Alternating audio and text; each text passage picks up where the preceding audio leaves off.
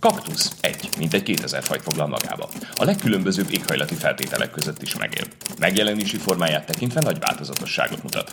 Legtöbbje szúrós tüskékkel rendelkezik, ugyanakkor pompás virágokat is hoz. 2. Gerő András és G. Gábor beszélgetése.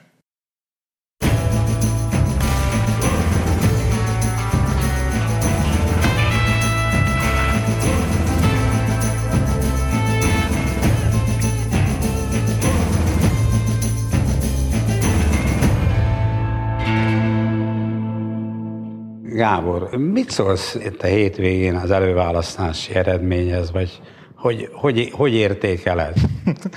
Olyan, mint a politológus lennék, nem? Így lettem megszólítva. Hát mindenki azt kérdezi, hogy mi történik, mi történt. Nekem olyan kérdéseim vannak, amelyekben benne foglaltatik a választ is, hogy ki ez az ember, mit akar, saját jogú szereplője, vagy küldték, feladata van. Valakinek kell finanszírozni, aki pénzt ad, mit kér cserébe. Nekem ilyen típusú dilemmáim vannak, és az a megérzésem, hogy a probléma elsősorban a bal oldalon van, tehát a régi ellenzék, az ellenzéki elit kell, hogy megbirkózzon ezzel a, a helyzettel és problémával. Igen, hát én, bizt, én veled ellentétben máshová teszem ezt hát a hangsúlyt. nyilván, hát ezt vártam. Nem, nem. Az egyik az az, hogy szerintem az előválasztásnak a nyomán, és ez nem pusztán az eredményt érinti, soha senki nem tudja hitelesen azt mondani többet, hogy Magyarországon diktatúra van, és nincs sajtószabadság. Tehát ez eh, egy eh, alternatív szabadságakció volt, hogyha uh-huh. sublimáltan akarok fogalmazni. Tehát azok, akik azt állítják, hogy Magyarországon nincs sajtószabadság és diktatúra, vagy hova tovább mutáns hasizmus van, azok dőrességeket beszélnek, semmi tényszerűséggel nem lehet alátámasztani. De a probléma az, hogy ezt nem csak úgymond haladó értelmiségek mondják ezt a szöveget, politikusok is, döntően ellenzékiek, eh, amiből nekem az következik, hogy egy rossz helyzetanalízisből rossz következtetés adódik, következőleg Teljesen irrelevánsnak érzem azt, amikor túl azon, hogy kormányváltást akarnak, ami teljesen természetes, ez az ellenzék dolga, mi az, hogy rendszerváltást akarnak? Tehát nem, tudom, nem, nem értem, ezt csak akkor lehet igazolni, hogyha Magyarországon diktatúra lenne. De ha nincs diktatúra, és az előválasztás ez bizonyítja, akkor milyen rendszert akarnak leváltani? Mi van akkor, hogyha ez csak duma? Nekem az a problémám a bal oldalon lévő megnyilatkozásokkal, mennyi mindent hallottunk az elmúlt hetekben. Hallottuk ezt, meg ennek az ellenkezőjét is. Hallottuk, hogy elszámoltatás lesz, aztán mégse lehet csinálni. Feles törvényekkel alkotmányt lehet változtatni, aztán mégse lehet, és így tovább. Hogy nincs a szavaknak súlya, jelentősége és következménye. Jó, de... de én úgy érzem, hogy van egy ilyen szólicit, hogy bármit lehet mondani, úgy se lehet számon kérni, nem lesz következménye, mintha ez a játék folyna a bal oldalon. Hát nézzük meg Márki Zajt. Milyen állításokat tett az elmúlt két hétben? Van bármiféle következménye? Azért én ebben nem teljesen értek egyet, Gábor, azért, mert azért a politikában, mint ahogy minden nap életben is azért a, a retorikai szint az számít. Nem mindegy, hogy mit beszélek. A politikában döntően azért számít, mert az mégiscsak egy tömegpolitika, nem csak Magyarországon, szerte a világban, és azért az emberek egy idő után visszamondják a szavakat, mert ugye ezeknek a szavaknak az a célja, hogy ha, ha úgy ha fogalmazhatunk, anyagi erővé váljanak, és számon kérik. Tehát azért nem lehet felelőtlenül beszélni mindenfélét, mert rezonál. Na most én azt érzékelem itt, hogy azt aláírom, hogy ezernyi dőrességet mond ez az, amaz, na de mégiscsak fogalmakat adnak az embereknek. Tehát ha például azt mondják, hogy mondjuk az elmúlt 30 évet kell megszüntetni, felülírni, akkor, akkor azért az emberek elgondolkodnak azon, és bizonyos értelemben érzelmeket vált ez ki belőlük, hogy tényleg a csodába ezzel az elmúlt 30 évvel. Azt nem tudom, hogy mit mondanak helyette. Mert az elmúlt 30 évet például én nem úgy, zárójel megjegyzem, személyileg is sértőnek érzem. Nekem ebben az hát élet... a te életedet is igen, zárójelbe teszem. Igen, én 38 éves voltam a rendszerváltásnál, azóta 30 év telt el. Hát az én életem jelentős termékeny részének a munkája benne van ebben a 30 évben. Szóval mi az, hogy ezt valaki ki akarja dobni politikai alapon? Mi az, hogy egy ország életéből ezt valaki úgymond felül akarja írni? És mi az, ami jobb volt előtte? Hát ez a magyar történelem egyik legszabadabb korszaka, mindenfajta átrendeződésekkel, dinamikákkal. Hát mi, mi, mi, mi, az, mi az, amihez mérünk? Jó, jobb volt akkor... a Horti korszak, jobb volt a Kádár korszak, jobb volt a Rákosi korszak. Hagy kapcsolódjak rá a felháborodásra, mi lesz az én elmúlt 11 évem. Tehát az a helyzet, hogy itt mégiscsak történtek dolgok, újra akarják-e az emberek kezdeni, erről szoktunk beszélgetni. Igen. Az emberekben nincs meg az a vágy, hogy felfordulás, társadalmi Igen. zűrzavarból induljanak ki, és hát van egy egzisztenciális biztonságigényük is, ami valahogy épült, szépült az elmúlt 10-11 évben. Szerintem máshol kell keresni a megfejtést. Én azt gondolom, én ezt látom legalábbis a baloldalon, hogy a szavak, a mondatok, a retorikai szint az egy kitöltő elem, mint egy levegőt úgy kilélegzik. Valójában őket hatalomtechnikai kérdések foglalkoztatják. Én az előválasztás értelmét is abban látom, hogy szerintem ők ezt azért csinálták, hogy ne jöjjön létre egy harmadik tömb mert azt akarták, hogy kikimeccs legyen a végén. És most mit látunk, hogy a harmadik tömb bejött a táborokon belülre, tehát egy civil tulajdonképpen, ahogy Schmidt Mária fogalmazott, meghekkelte a régi elitpártoknak a versenyét, ellenzéki elitpártoknak a versenyét. És most is ebben, amit mondtál, hogy zárójelbe tenni az elmúlt 30 évet, én nem látom a gondolat komolyságát, hanem én azt vélem felfedezni, hogy abból indulnak ki, hogy azok az emberek, akiknek elegük van ebből az egészből, rosszul érzik magukat a bőrükben, azok ilyen radikális mondatokat akarnak hallani, hogy akkor jó lenne visszatérni a kezdetekhez, újból kezdeni mindent, és akkor egy szép jövőt építeni a tiszták koalíciójával, a szelítség és szeretet forradalmát Jó, Gábor, végrehajtani. ez a másik, amin álljunk meg, ez a tiszták koalíció. Hát ez... nem véletlenül hoztam fel. Jó, de hát ez azt feltételezi, hogy vagyunk mi, úgymond a tiszták, és aki rajtunk kívül van, az mi is? Hát nyilván piszkos, mocskos, nem tudom mi. Én meg azt gondolom, hogy a világ nem így működik. Tehát először is számomra mindig is irritáló, amikor valaki erkölcsi sövrendűséget akar magához társítani. Ez az egyik.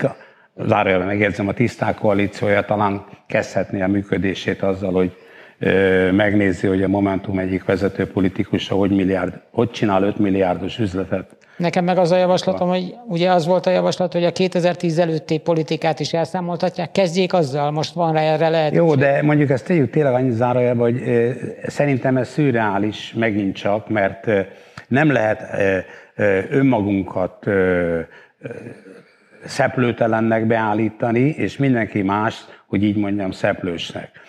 De várjál, van még egy dolog, amit meg érinti a jobb oldalt is.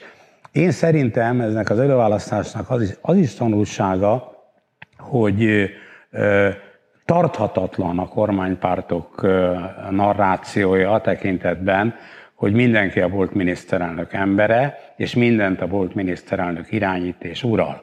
Szóval azért itt kiderült az, hogy itt az ellenzéken belül is van egy olyan mondjuk így választói sokaság, amelyik nem akarja, nem azt mondom, hogy nem akarja a DK-t, nem akarja a, a, a DK-s dominanciát, miközben kétségtelen igaz, hogy az előválasztás első fordulójában a DK nagyon sok jelölési jogot megszerzett.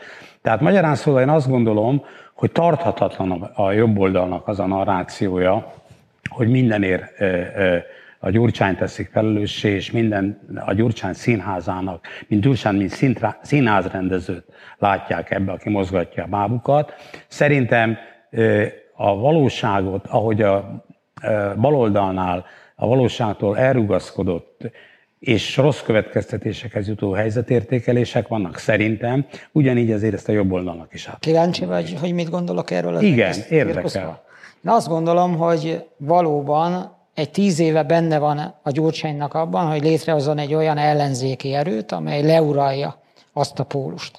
És ő kiki játékot akart. Szerintem Orbánt másolja, hogy Orbánnak sikerült egy egységes jobboldalt létrehoznia, aminek a versenytársa egy egységes baloldal lehetne, ez viszont be kell darálni az ellenzéki térfélen lévőket. És itt jött a zavar, hogy jött egy ember, aki most ott tart, hogy ő a, hát fogadjuk el akkor ezt a retorikai szintet, hogy a miniszterelnök jelöltje az ellenzéknek, bár tudjuk jól, hogy nem miniszterelnök jelöltet választunk, hanem legfeljebb listavezetőt, de mindegy, tegyük zárójelbe ezt a kérdést. És szerintem emögött az a feltételezés áll, legalábbis az enyém, hogy hát nemzetközi erők, érdekek felmérték, hogy Dobrevvel, karácsonyjal nem sikerülhet át kellett adni a stafétát. És azért mondtam, hogy probléma van a bal oldalon, és elsősorban a bal oldalon van a probléma, mert van egy struktúra, van egy ember, aki hát mérföldes csizma, csizmalépésekkel nagy erőket fektetett abba, hogy leuralja a baloldalt, és most bejött egy új szereplő. És e között muszáj valamilyen, akár törékeny, akár nem törékeny megállapodást létrehozni. Mert szerintem az elkövetkezendő fél év nem elég arra, hogy a régi ellenzéket letolják a pályáról, és nem történhet meg az sem, hogy a Márki Zajt legalábbis a elkövetkezendő fél évben megint csak letolják a pályáról. Tehát kell valami megállapodás, kell valami paktum, és ebben szerintem a Fidesz nem téved. Az, hogy ki mennyire játsza el a játékot, abban valószínűleg, hogy mondjam, különbségek vannak. A karácsony mozgása szerintem egyértelműen egy olyan szereplőről szólt, akinek nincs önálló akarata, nincs önálló ereje, megmondják neki, hogy mit csináljon.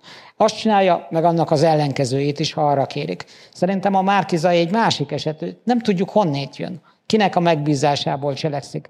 Nekem egy kicsit egyébként karakterét tekintve olyan, mint egy porszívó ügynök. Becsenget, mondja, mondja, mondja, nem tudom bezárni előtte az ajtót, de van valami rossz érzésem erről, a, erről az egész karakterről. És bármit ki tud mondani, és bármiért el, elnézést tud kérni. Olyan, mintha nem lenne tétje ennek a karakternek. Szerintem nem építeni jött, hanem rombolni.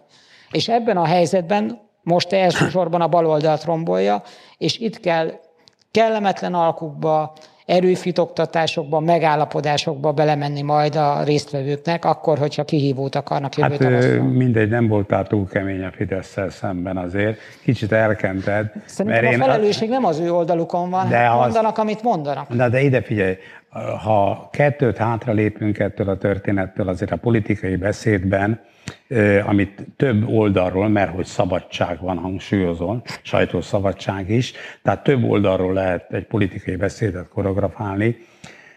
A kormánynak azért van szerepe ebbe, mert ha még egyszer mondom, fals összefüggéseket súlykol a, a lakosság irányába, abból fals következtetések adunk. de a vásárra viszi a bőrét. Ha hülyeséget mond, ha elrugaszkodik a valóságtól, ha nem hihető, amivel előáll, akkor ennek következményei lesznek. Szerintem a politika egy ilyen játék. De nem egészen hogy nem, soha nem totálisak a dolgok. Tehát nem mond, persze elvileg igen, gyakorlatilag azt pontosan tudjuk, hogy politikai propagandával, ilyen-olyan oldalról nagyon sok mindent el lehet adni, adott esetben nem valós összefüggéseket is, és az emberek elhiszik. Hát az egész politikai propagandának ez a lényege, hogy olyat elhitetni az De annak nincsen amit... színe a politikai propagandának, nincsen színe. Tehát mindenki használja, aki a politika tér felé mozog, Na, de nem mindegy, mert hogy a politika legitim Igen, eszköze. de azért engedd meg nekem azt a minden realitás érzékem mellett azt a mondjuk értelmiségi naivitást, hogy azért azt gondoljam, hogy törekszünk arra, hogy valósat mondjunk. Törekszünk arra, hogy valaminek a, a természetét helyesen írjuk le. És aztán el, eltérő következtetésekhez jut, juthatunk. De én itt azt látom, hogy ebbe a politikai propagandába mindkét fél részéről beindult egy olyan virtuális valóság állítása, megteremtése, amitől az egész politikai közbeszéd ki tud billenni. Tehát elveszti a racionális jellegét.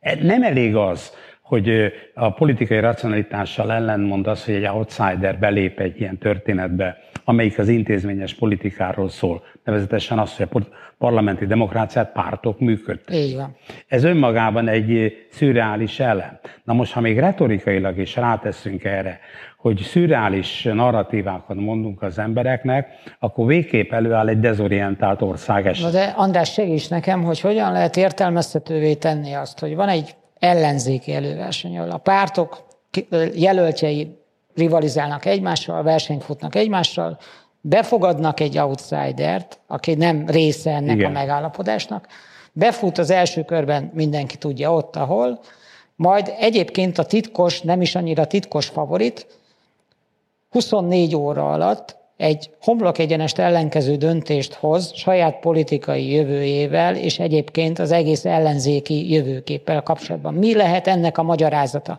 Ha szerda délben azt állítom, hogy soha, én előrelépek, csütörtök délután, illetve hát csütörtök este meghozom azt a döntést, hogy hát mégis visszalépek. Mi lehet ennek a magyarázata? Én olyanokat tudok, hogy valaki összeomlik, nem bírja a terhelést, Igen. a stressz, idegösszeroppanás, Igen. megzsarolják, megmondják neki, hogy mit tegyen, és ezt tedd.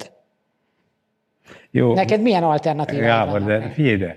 De azt, szóval... azt mondod, hogy ez lényegtelen ez a kérdés? Nem, nem, nem lényegtelen, csak nem az a kérdés, amit én amivel foglalkoztam, feltettem. Ez egy másik kérdés, de az, az, az A valósággal áll összefüggésben. A valósággal áll összefüggésben, igen, de egy politikai játékban természetesen benne van adott esetben az emberi gyengeség, a semmire kellőség, mhm. mondjuk így, a, a könnyű súlyúság, sok minden benne van. Hát rengeteg ilyen politikust ismerünk, akik időnként kulcshelyzetbe kerülnek, és aztán mint a lufbalon kipukkadnak. Ez, ez benne van a játékban, és ez, hogy így mondjam, nem teszi irracionálissá a politikát, mert ez a, ez a ez a dolgok természetébe rejlik. Az irracionálisság szerintem azt teszi, hogyha, ha még egyszer mondom, szélsőségesen rossz tényekre alapozódó, vagy rosszul interpretált tényekre alapozódó, hogy így mondjam, hamis narratívákat közlünk az emberekkel, és gyakorlatilag ezzel elszívjuk a levegőt azoktól, akik egyébként megpróbálnak mérlegelni bizonyos tényezők nyomán vagy hatására. Egyszerűen azért, mert olyan mértékben eluralja ez a két narratíva a történetet, hogy alig marad tér másra. Tehát még egyszer, vagyok. ha egyszer azt mondják, hogy itt diktatúrában megyünk, sajtószabadság és nem tudom mi, le kell váltani a teljes rendszert, el kell törölni a 30 évet, mi tiszták megtesszük. Másik oldal az, az egész egy show műsor, az egész csak a gyógy... Szóval itt állok én legalábbis két ilyen narratívával, és egyiket használhatatlannak érezem, mint a másikat. Két észrevételem van azzal kapcsolatban, amit mondasz. Az egyik az az, hogy én szkeptikus vagyok azzal kapcsolatban, és hát jön két fél, és mondja a maga dumáját arra vonatkozóan, hogy mi a helyzet, hogy nem maradna tér az értelmes mérlegelés számára. Hát próbálkozunk. Szerintem marad tér az értelmes mérlegelés számára. Ezek a ő játékaik, és Igen. az ő, ahogy mondtam, vására viszik a bőrüket, hogy mennyire áll közel a valósághoz az, amit mondanak, hihető, Igen. mozgósító erővel rendelkezik a választók számára, stb.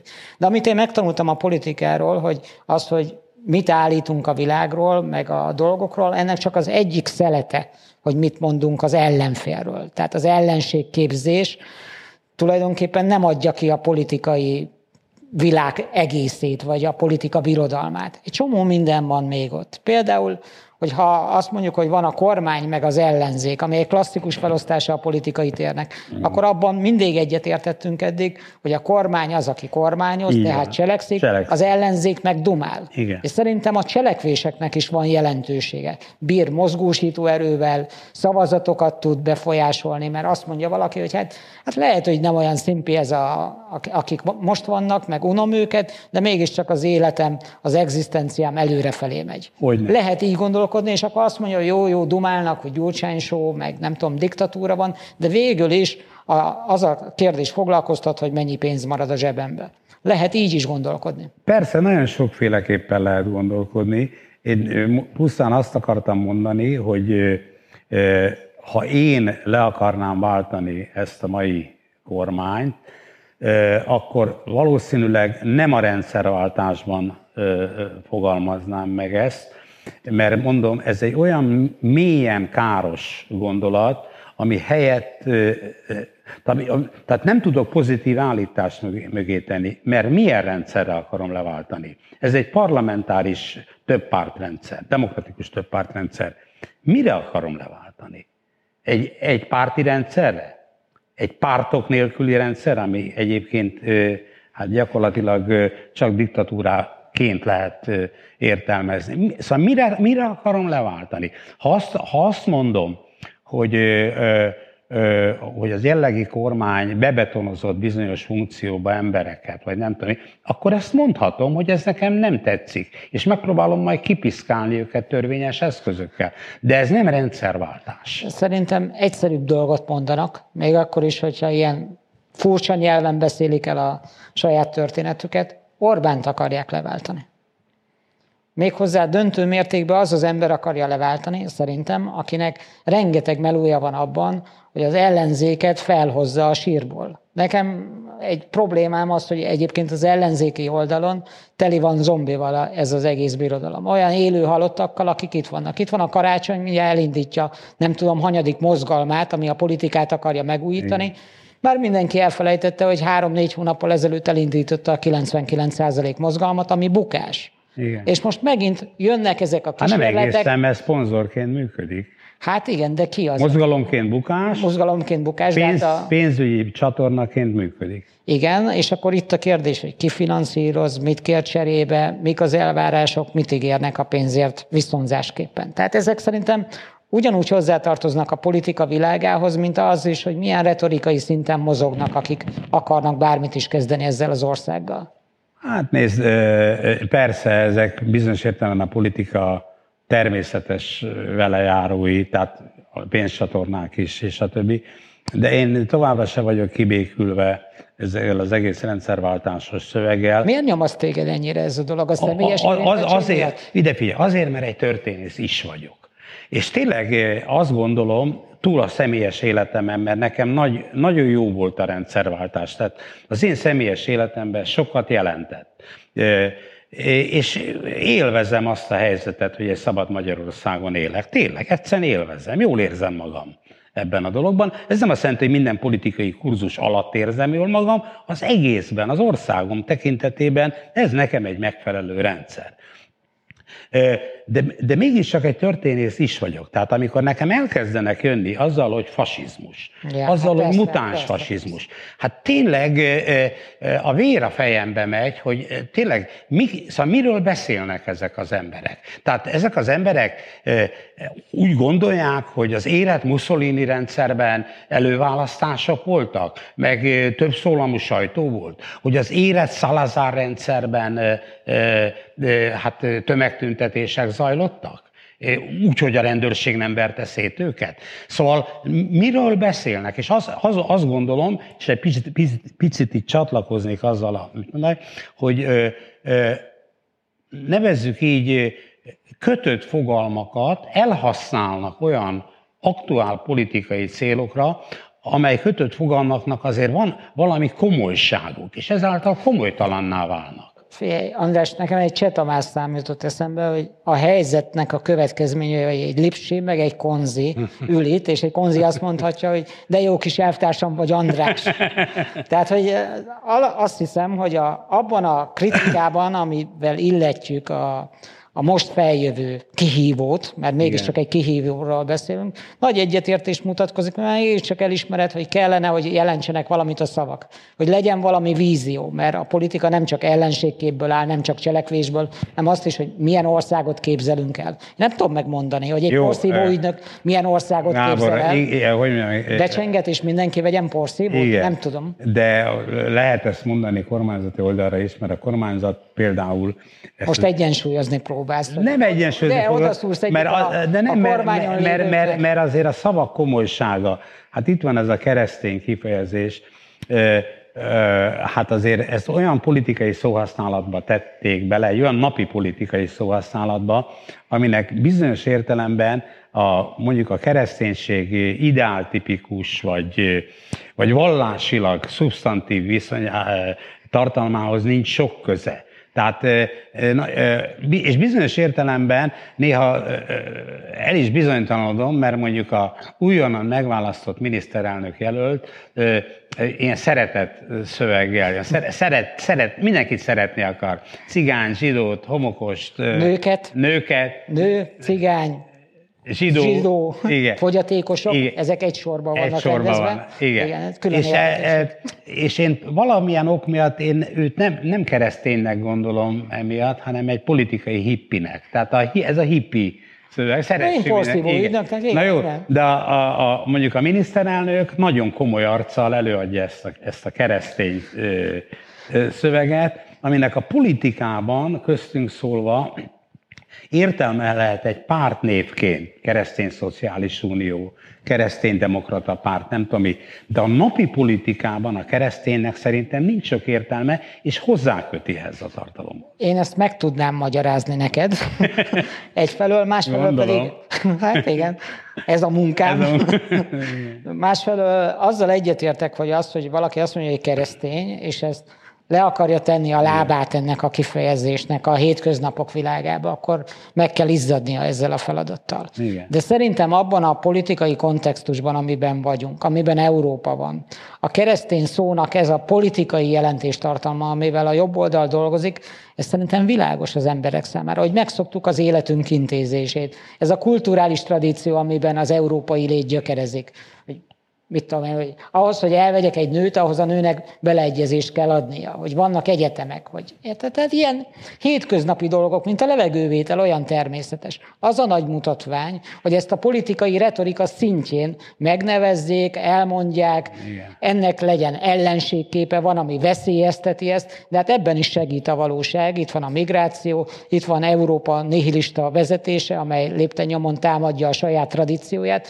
Szóval én nem érzem ennyire jelentés nélkül nélkülének ezt a feladatot, amit te itt hiányolsz, Nézd, én, ha, ha a jobb oldalon. precízen akarunk fogalmazni, akkor én ezt az egész európai kulturális létet én sokkal inkább úgy tudnám leírni, hogy Európa az tulajdonképpen az antik zsidó keresztény kultúrának egyfajta rétegzett, egybeforrott sumázata.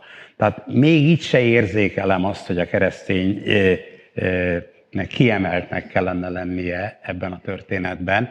De eh, másfelől meg azt gondolom, hogy a mindennapi lét tekintetében, miután ez természetes az embereknek, legalábbis ebben a kultúrkörben, sem az antikot, sem a zsidót, sem a keresztényt nem kellene kiemelni, eh, de mégis, és itt van eh, a truvája, amit te mondasz, hogy politikailag kiemelik ezt a kifejezést, és megpróbálják rányomni olyanokra, amikre a közvetlen viszonyt a kereszténység, mint hittételek gyűjteménye és az adott politikai gyakorlat között nem igen fel.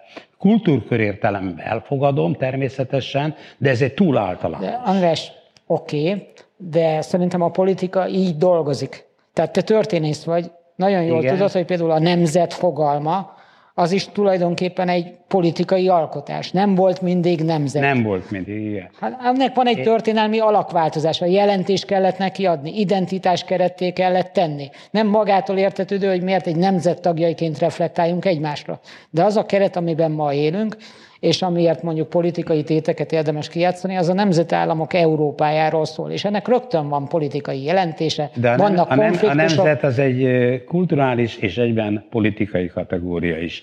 A kereszténységre sokkal inkább azt gondolom, hogy szekularizált formában kulturális, de nem politikai. De mindegy, ez az én... Ez az Igen, én, ebben megmarad a Tehát ez, ez, ez, tegyünk egy zárójelet, és csak a, a, a, arra kívántam utalni... A szeretetről hogy, beszélgettünk. Hogy a szere, igen. Tehát, hogy van, van a politikai hippi az egyik oldalon, a másik oldalon egy ilyen keresztény államfilozófia, de valójában azt nem egészen értem, hogy ha valaki meg a mindennapi létről, az emberi létről és a politikáról is beszél, akkor mondjuk adott esetben ilyen politikai hippiként, eh, hogy jut eszébe egyáltalán ez a, ez, ez a sajátos hippizmus, hiszen a politika egyik lényege a kooperáció és a konfrontáció. A kettő együtt van. Tehát hogy gondolja valaki, aki valamennyire is profinak gondolja magát, mondjuk egy orvos nem gondolhatja profinak magát akkor, hogy a betegnek azt mondja, hogy uram, önnek soha semmi fájdalma nem lesz. Lesz fájdalom, de meggyógyulhat. Egy politikus, egy profi nem mondhatja azt az embereknek, hogy csak a szeretet lesz, mert innentől ő letagadja azt, hogy a politika egyik lényege a konfrontáció a kooperáció mellett. Tehát magyarán szóval nem értem sokszor azt, hogy ezek az emberek mit beszélnek. Ha viszont úgy tekintünk erre a politikai hippire, vagy porszívó ügynök, nekem a porszívó ügynök másodlagos jelentése, hogy hittérítő.